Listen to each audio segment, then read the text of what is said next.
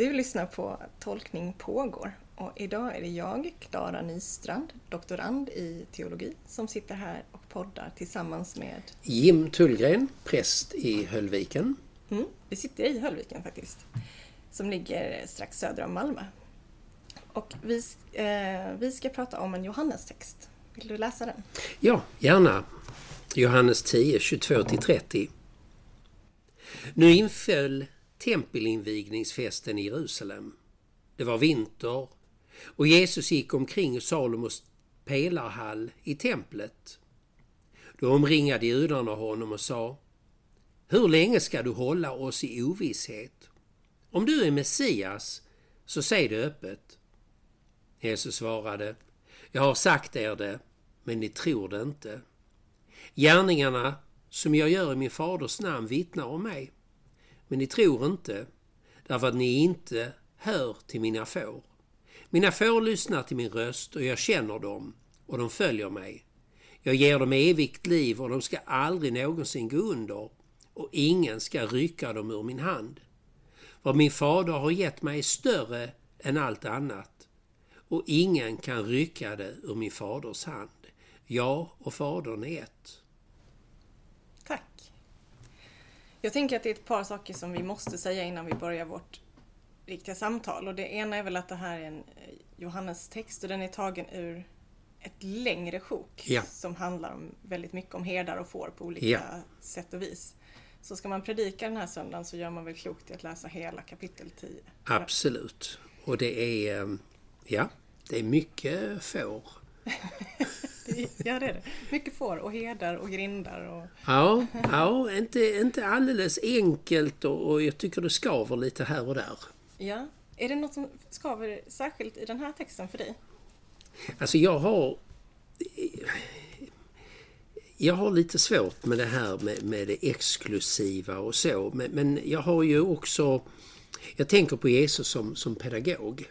Eh, och jag tänker att, att ibland är det så att, att Jesus är medvetet provokativ. För att det startar processer i oss i denna provokation som, som kan ske. Och det är i processen någonting händer som Guds ord eller Guds tilltal händer i mig. Eh, Så att om Jesus bara hade ett, ett program, eh, ett religiöst program att komma ut med så hade Nya Testamentet kanske varit fem eller tio sidor. Men eftersom som Jesus är den pedagog han är så talar han i bilder, i liknelser och i provokationer. Eh, Så uppfattar jag det. Men, men vilken är det då som är provokationen här för dig? Du sa exklusiv, att du har problem med det exklusiva. Ja, det är det här... Eh, ehm, eh, Eh, jag ger dem evigt liv och de ska aldrig någonsin gå under. Det här att, att det är vissa som är utvalda ehm, och vissa är det inte. Eh, det, det har jag lite, lite svårare för. Men det är, ju- det är ju så att säga en del av vår kristna teologin som, som ehm, ja, som, som inte riktigt tilltalar. Eh, alltså vi, vi har ju vår tradition att vi behåller allt som skaver. Vi utmönstrar ingenting. Nej. Men eh, jag har svårast med det, den biten. Ehm, Ja, för man har byggt predestinationsläror och så Ja. också på den här texten. Där man säger liksom att ja, vissa, Gud har valt vissa.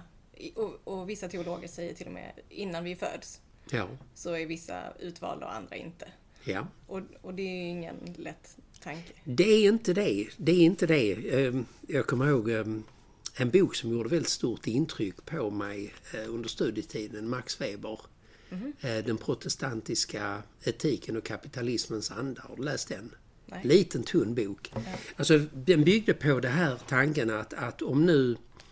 Alltså Max Weber tittade på varför har kapitalismen haft lättast att etablera sig i, i lutherska och reformerta områden och inte katolska. Och det var ju den här tanken att, att eftersom man trodde på predestinationen lite mer där eh, så ville man gärna få bekräftelse att, att Gud hade utvalt oss och då skulle det synas i våra liv. Och plötsligt så började människor ackumulera mer än de spenderade. Alltså det man tjänade la man lite grann på hög för att man ville ha en bekräftelse Alltså någonstans där är Max Webers tanke.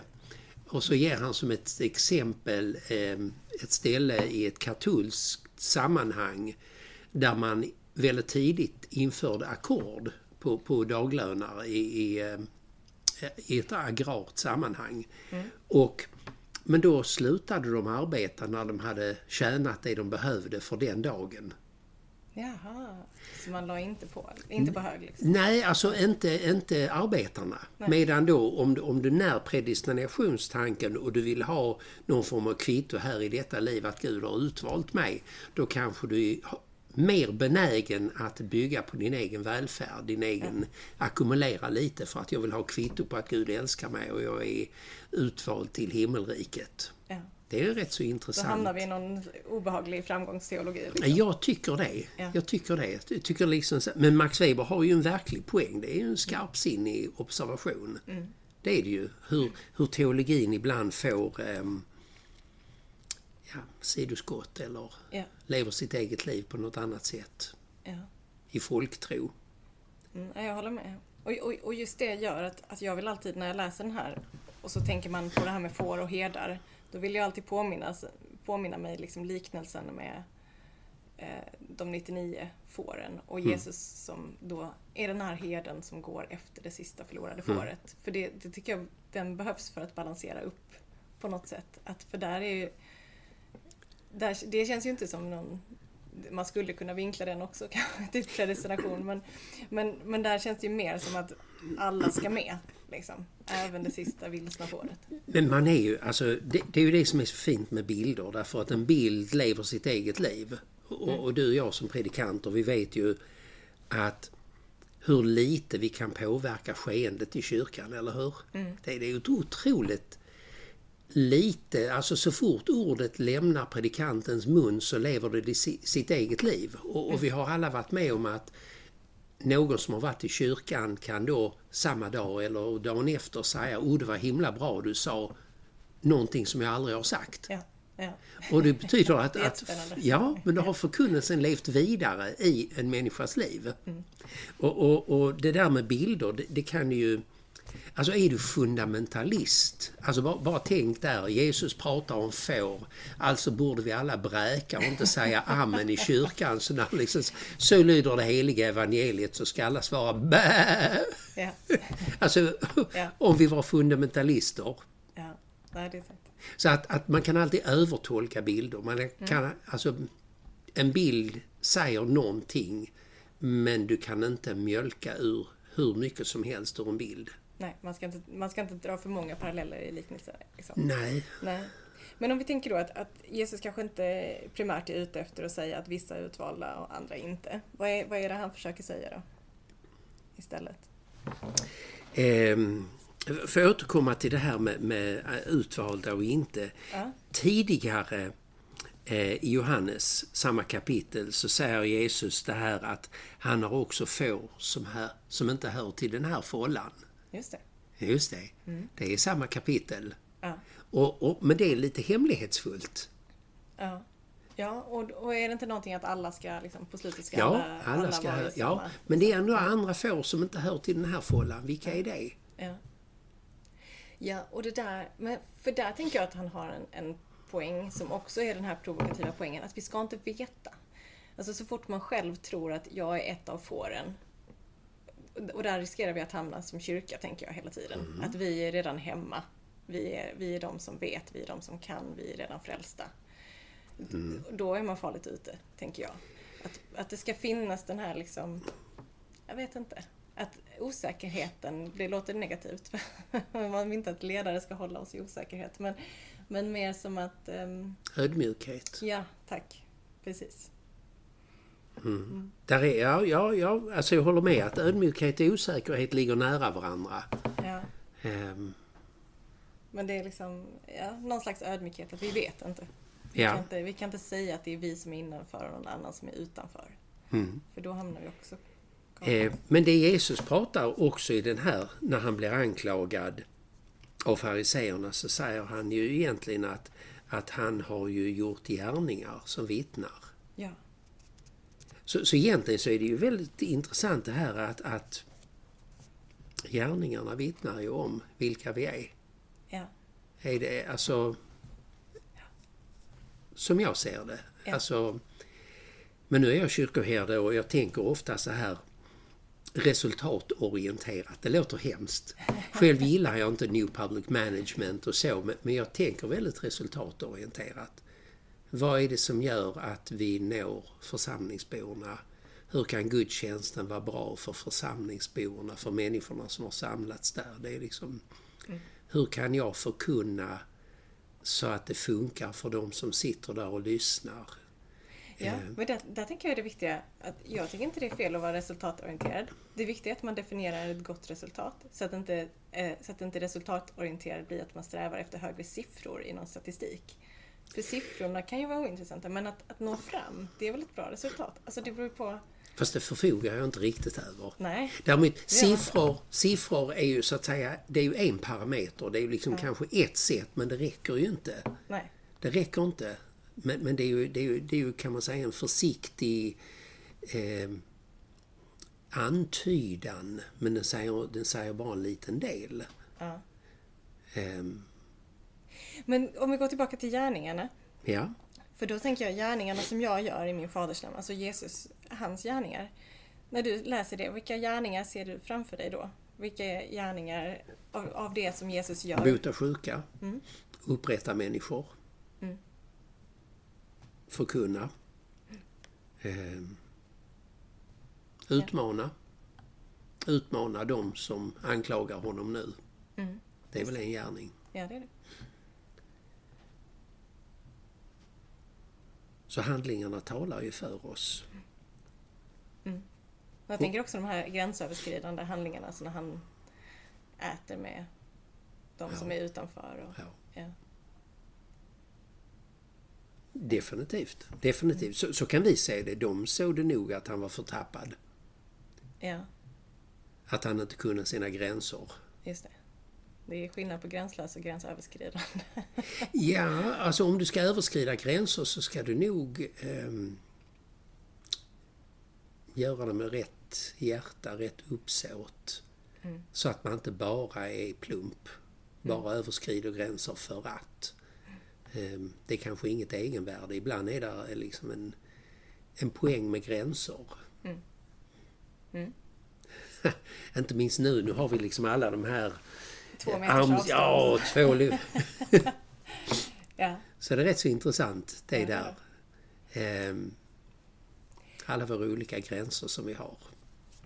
Ja, och det nu när du nämner den tiden som vi är i nu, corona-definierad verkligen, så tänkte jag ju också att, att, eh, jag vill, att en anledning till att jag ville podda med just dig när det är herdesöndagen är ju att du är en erfaren herde i form av kyrkoherde. Jag tänker liksom, har du hunnit reflektera, det antar jag, kring vad, hur, hur man är herde i en tid av corona och när man inte när man inte fysiskt kanske träffar sin församling på samma sätt. Och,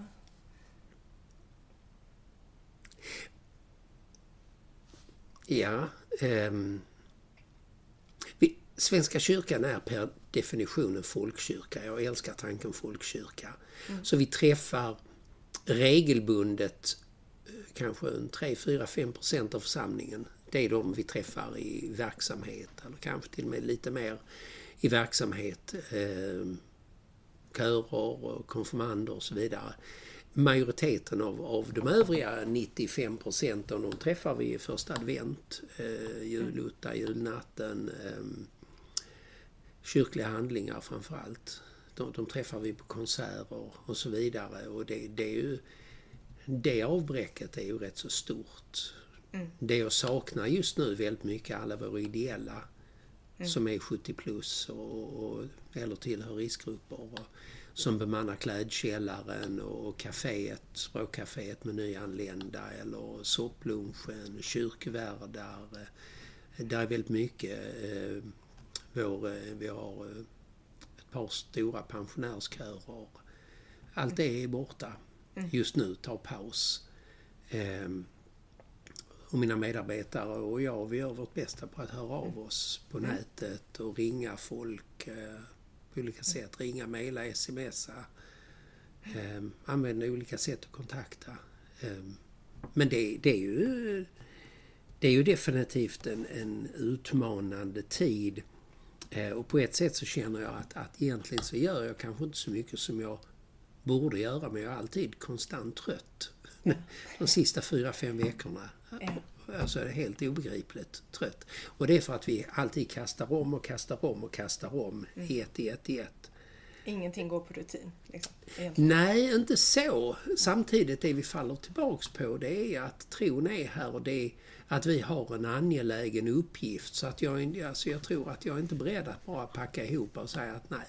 Utan jag tror att människor kommer verkligen behöva oss. Jag tror detta blir en tid av, av reflektion. En tid att, att människor går in i sina bubblor. De, jag hoppas verkligen att när detta är över att någonting har hänt. Att människor går tillbaks. Det var väl på Facebook cirkulerade att lite citat av Greta Thunberg där hon sa eh, gå tillbaks till det normala men när det normala var sjukt. Ja, just det. Ja. Jag tänkte då, det var faktiskt, det är rätt så... Mm, ja, vad är det vi ska gå tillbaka ja, till? Ja. Exakt. Och vad kan vi hålla kvar? Ja. Så att jag, jag tänker mycket av det vi gör nu kommer vi hålla kvar. Mm bryta vår isolering. Svenska kyrkan kan inte bara finnas i, i ett församlingshus någonstans i, på en ort. Man måste finnas ute på bland människor, lekplatser, eh, på mm. nätet. Eh, mm.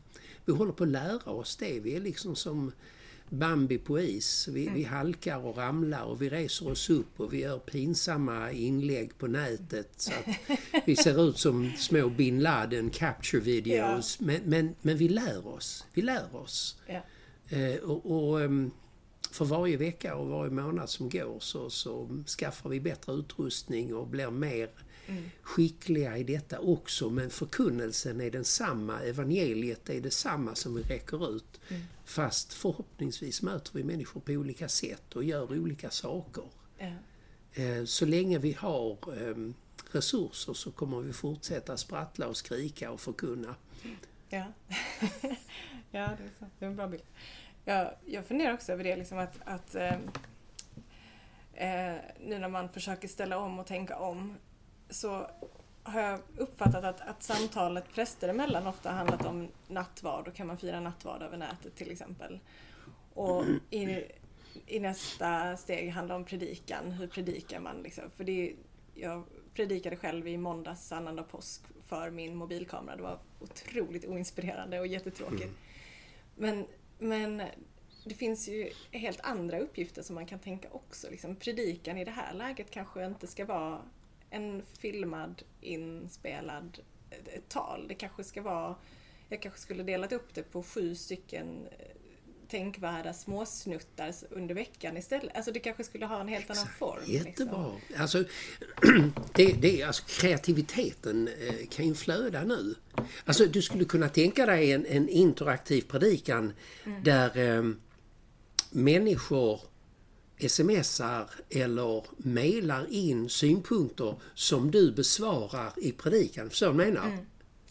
Så att, att predikan blir plötsligt interaktiv där, där oj, jag ber om ursäkt, det är där eh, om, om herden eh, kanske behöver förtydliga eller säga något annat. Ja. Så att, att förkunnelsen, alltså det intressanta är resultatet. Nu är vi tillbaks på det här resultatorienterat.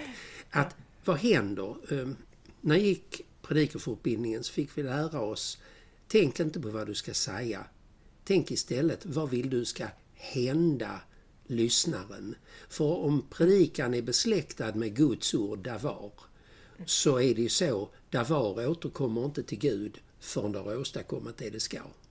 Och om din och min förkunnelse är besläktad med Guds ord så ska den inte återkomma till predikanten förrän den har liksom gjort någonting. Så att predikan är någon form av word action eller frö du vi sår i människor som slår rot och blir någonting. Mm. Sen hur du förpackar den och hur du gör, det spelar ingen roll. Men det är liksom det resultatet som är det viktiga. Inte predikans form och, och, och tillfälle egentligen. Nej.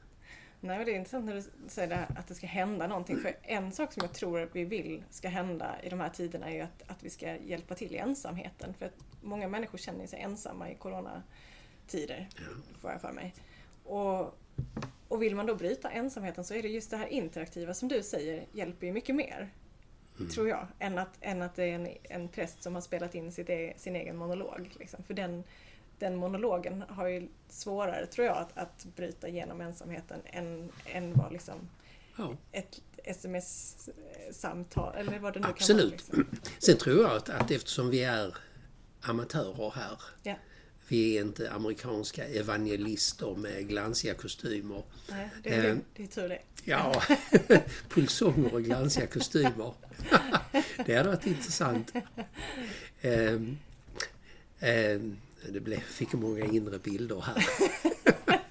men, men jag tänkte just det här att, att jag tror att det finns ett stort mått av kärlek och överseende hos våra lyssnare hos våra församlingsbor som går ut på nätet och säger att okej, okay, eh, våra präster och, och, medarbetare, ja, de, de gör lite amatörmässiga inslag men de försöker i alla fall. Ja. De försöker. Mm. Så att, att man kanske får, eh, man, kanske får en, en C i genomförande men du får i A i effort. Ja. I, I, att, du, att du försökte, du satt inte bara och rullade tummarna. Nej. För jag tänker mig på domens dag så, så tror jag säkert de flesta av oss, och definitivt jag, kommer ha många anklagelsepunkter mot mig. Mm. Men jag hoppas inte den, jag hoppas inte anklagelsepunkten att du gjorde, du gjorde ingenting, du satt och rullade tummarna. Jag vill inte ha den. Nej. Sen kommer jag ha trampat i klaveret, jag kommer ha gjort plumpa saker, jag kommer ha misslyckats många gånger. Men jag hoppas i alla fall att jag har gjort något. Ja. För vi lär oss av våra misstag. Ja. Så att det är okej, okay. testa. Ja. ja, men det är väl en bra sammanfattning om den här tiden och hur vi kan vara kyrka liksom, i, i det här. Och jag tror det är något lustfyllt i detta också. Ja. Det är något lustfyllt, det är, där är någonting och, och, det kan hända att vi når andra människor än vi brukar. Mm. Um, jag hade en, en kyrkorådsordförande när jag var i Tygelsjö, en klok, en klok kvinna, hoppas hon hör detta. eh, Vivica. Och hon sa en sak som jag har tänkt på efteråt när vi jobbar med församlingsinstruktionen. Så sa hon, det finns saker som skulle gynna kyrkan, församlingen, men jag hoppas inte på dem. Och det är stora naturkatastrofer, mm. eh, stora hemska, det är krig, eh, tsunamis, fartyg mm. som går under, allt sånt gynnar kyrkan men det är, det är inte det vi hoppas på. Pandemier kanske till och med gynnar kyrkan men det är inte det vi hoppas på. Nej, Så att, att um, det här är en sån tid. Människor behöver, behöver hopp, behöver tröst, behöver förkunnelsen. Ja. Um, jag önskar att det hade varit en bättre tid. Ja. Men nu är det vad det är. Och får jag lägga till en sak till där på din lista över saker som vi behöver, för nu utgår jag från mig själv. Jag skulle vilja höra fler röster från mina kollegor och från kyrkan om vår dödlighet. För den, den har jag tänkt så mycket på sen Corona. Det blir, och jag, jag tror att jag som präst kanske eh, har gått på x antal begravningar och har lite lättare att relatera till min dödlighet. Men, men liksom samtalet i stort kring Corona känns otroligt ängsligt kring just dödligheten och där tänker jag att vi kanske har som kyrka fler ord än de flesta att använda och fler tankar. Jag vet inte, men det, det, det är bara jag bara kastar ut den där till de som lyssnar. Ja, ja. att säg gärna något, skriv gärna något. Hjälp oss att sätta ord på, på vad det väcker i oss. Jag tror att de orden behöver vara eh, poetiska. Ja. Eh, inte absoluta, inte skriva folk på näsan eh, utan eh, Nej, vi reagerar olika. Ingen av oss vet när man ligger på sitt yttersta eh, eller när man är nära, om, om, om man, man är i en nära döden upplevelse, hur man kommer reagera. Om man kommer reagera med, med, med tillförsikt och tro eller i väldigt stor ångest. Eh, det kan vi inte på förväg veta. Eh, utan eh, mm. jag hoppas bara att, att eh, hoppas och ber att, att Guds ande ska finnas där med mig. Jag känner mig absolut inte modig i det sammanhanget. Jag har liksom umgåtts med tanken på min egen död. Eftersom jag nu är 59 så liksom närmar det sig. Jag har liksom passerat mittstrecket eh, med råge. Eh, och det är ju det är en tanke, du, du måste vänja dig vid tanken. Och det är där jag tänker den här klokheten kan, kan uppkomma. För jag kommer ihåg att när jag började läsa teologi, hur vi läste om existentialfilosoferna. Eh, att man ska leva mot sin egen död och bli vän med det eh, för att få ett mer autentiskt liv. Och det tog mig säkert fyra fem år och när äntligen poletten trillade ner så förstod jag det. Mm. Men det var först när jag läste eh, boken Peter Noll, Den utmätta tiden. Mm. Fantastisk bok. Han, han var professor i, eh, vi fick läsa den på Pastis eh, terminen innan vi prästvigdes. Han var professor i juridik i Zürich tror jag det var. Och det är hans diktamen den sista tiden i livet. Ehm, och han drev en tes, alltså vi har olika längd på våra liv och han råkade veta att hans var väldigt kort. Ehm, men det intressanta är inte hur länge vi lever, det är vad gör vi med det liv som vi har? Med den tid vi har. Och det gjorde ett väldigt stort intryck på mig och jag bär fortfarande med mig det intryck. Så det handlar inte om längden på livet utan det handlar om vad, vad gör jag med den, det liv som Gud har gett mig att leva. Mm. Det, det är den stora frågan. Eh, lever jag mitt liv per parti och minut som om det aldrig skulle ta slut, då kanske jag har ångest. Men förhoppningsvis så har jag kanske presterat, åstadkommit någonting. Ja, ja.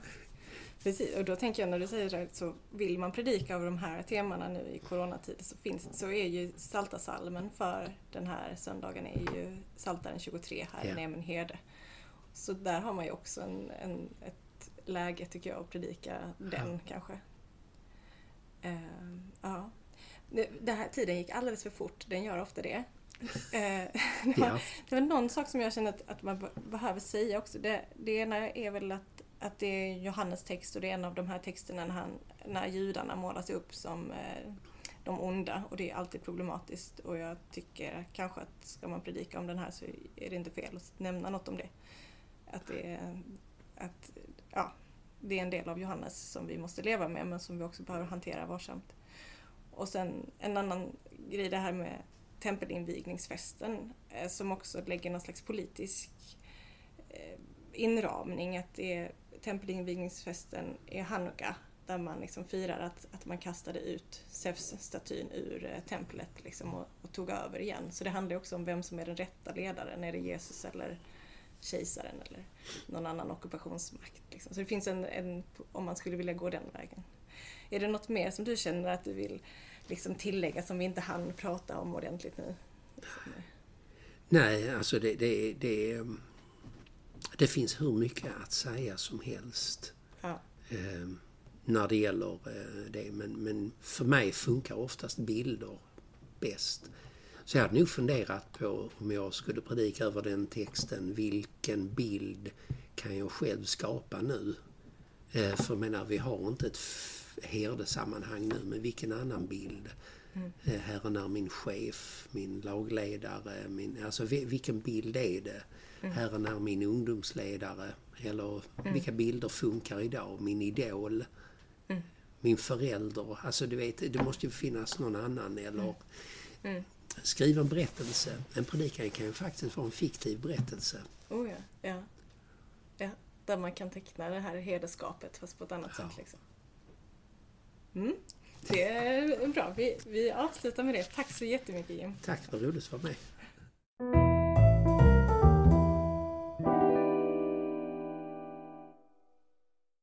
Du har lyssnat på Tolkning pågår, en teologipodd i samtalsform. För dig som vill fundera över livet och tron och för dig som vill få inspiration i predikoförberedelsen. Tack för att du har lyssnat. Och tack till alla er som gillar och delar våra avsnitt på Facebook och som på andra sätt berättar om den här podden för andra. Om du vill lyssna på fler avsnitt så finns vi där poddar finns och på vår hemsida som du hittar om du googlar Tolkning pågår. Och om du har tankar om podden så hör gärna av dig till oss på vår Facebook-sida. På återhörande.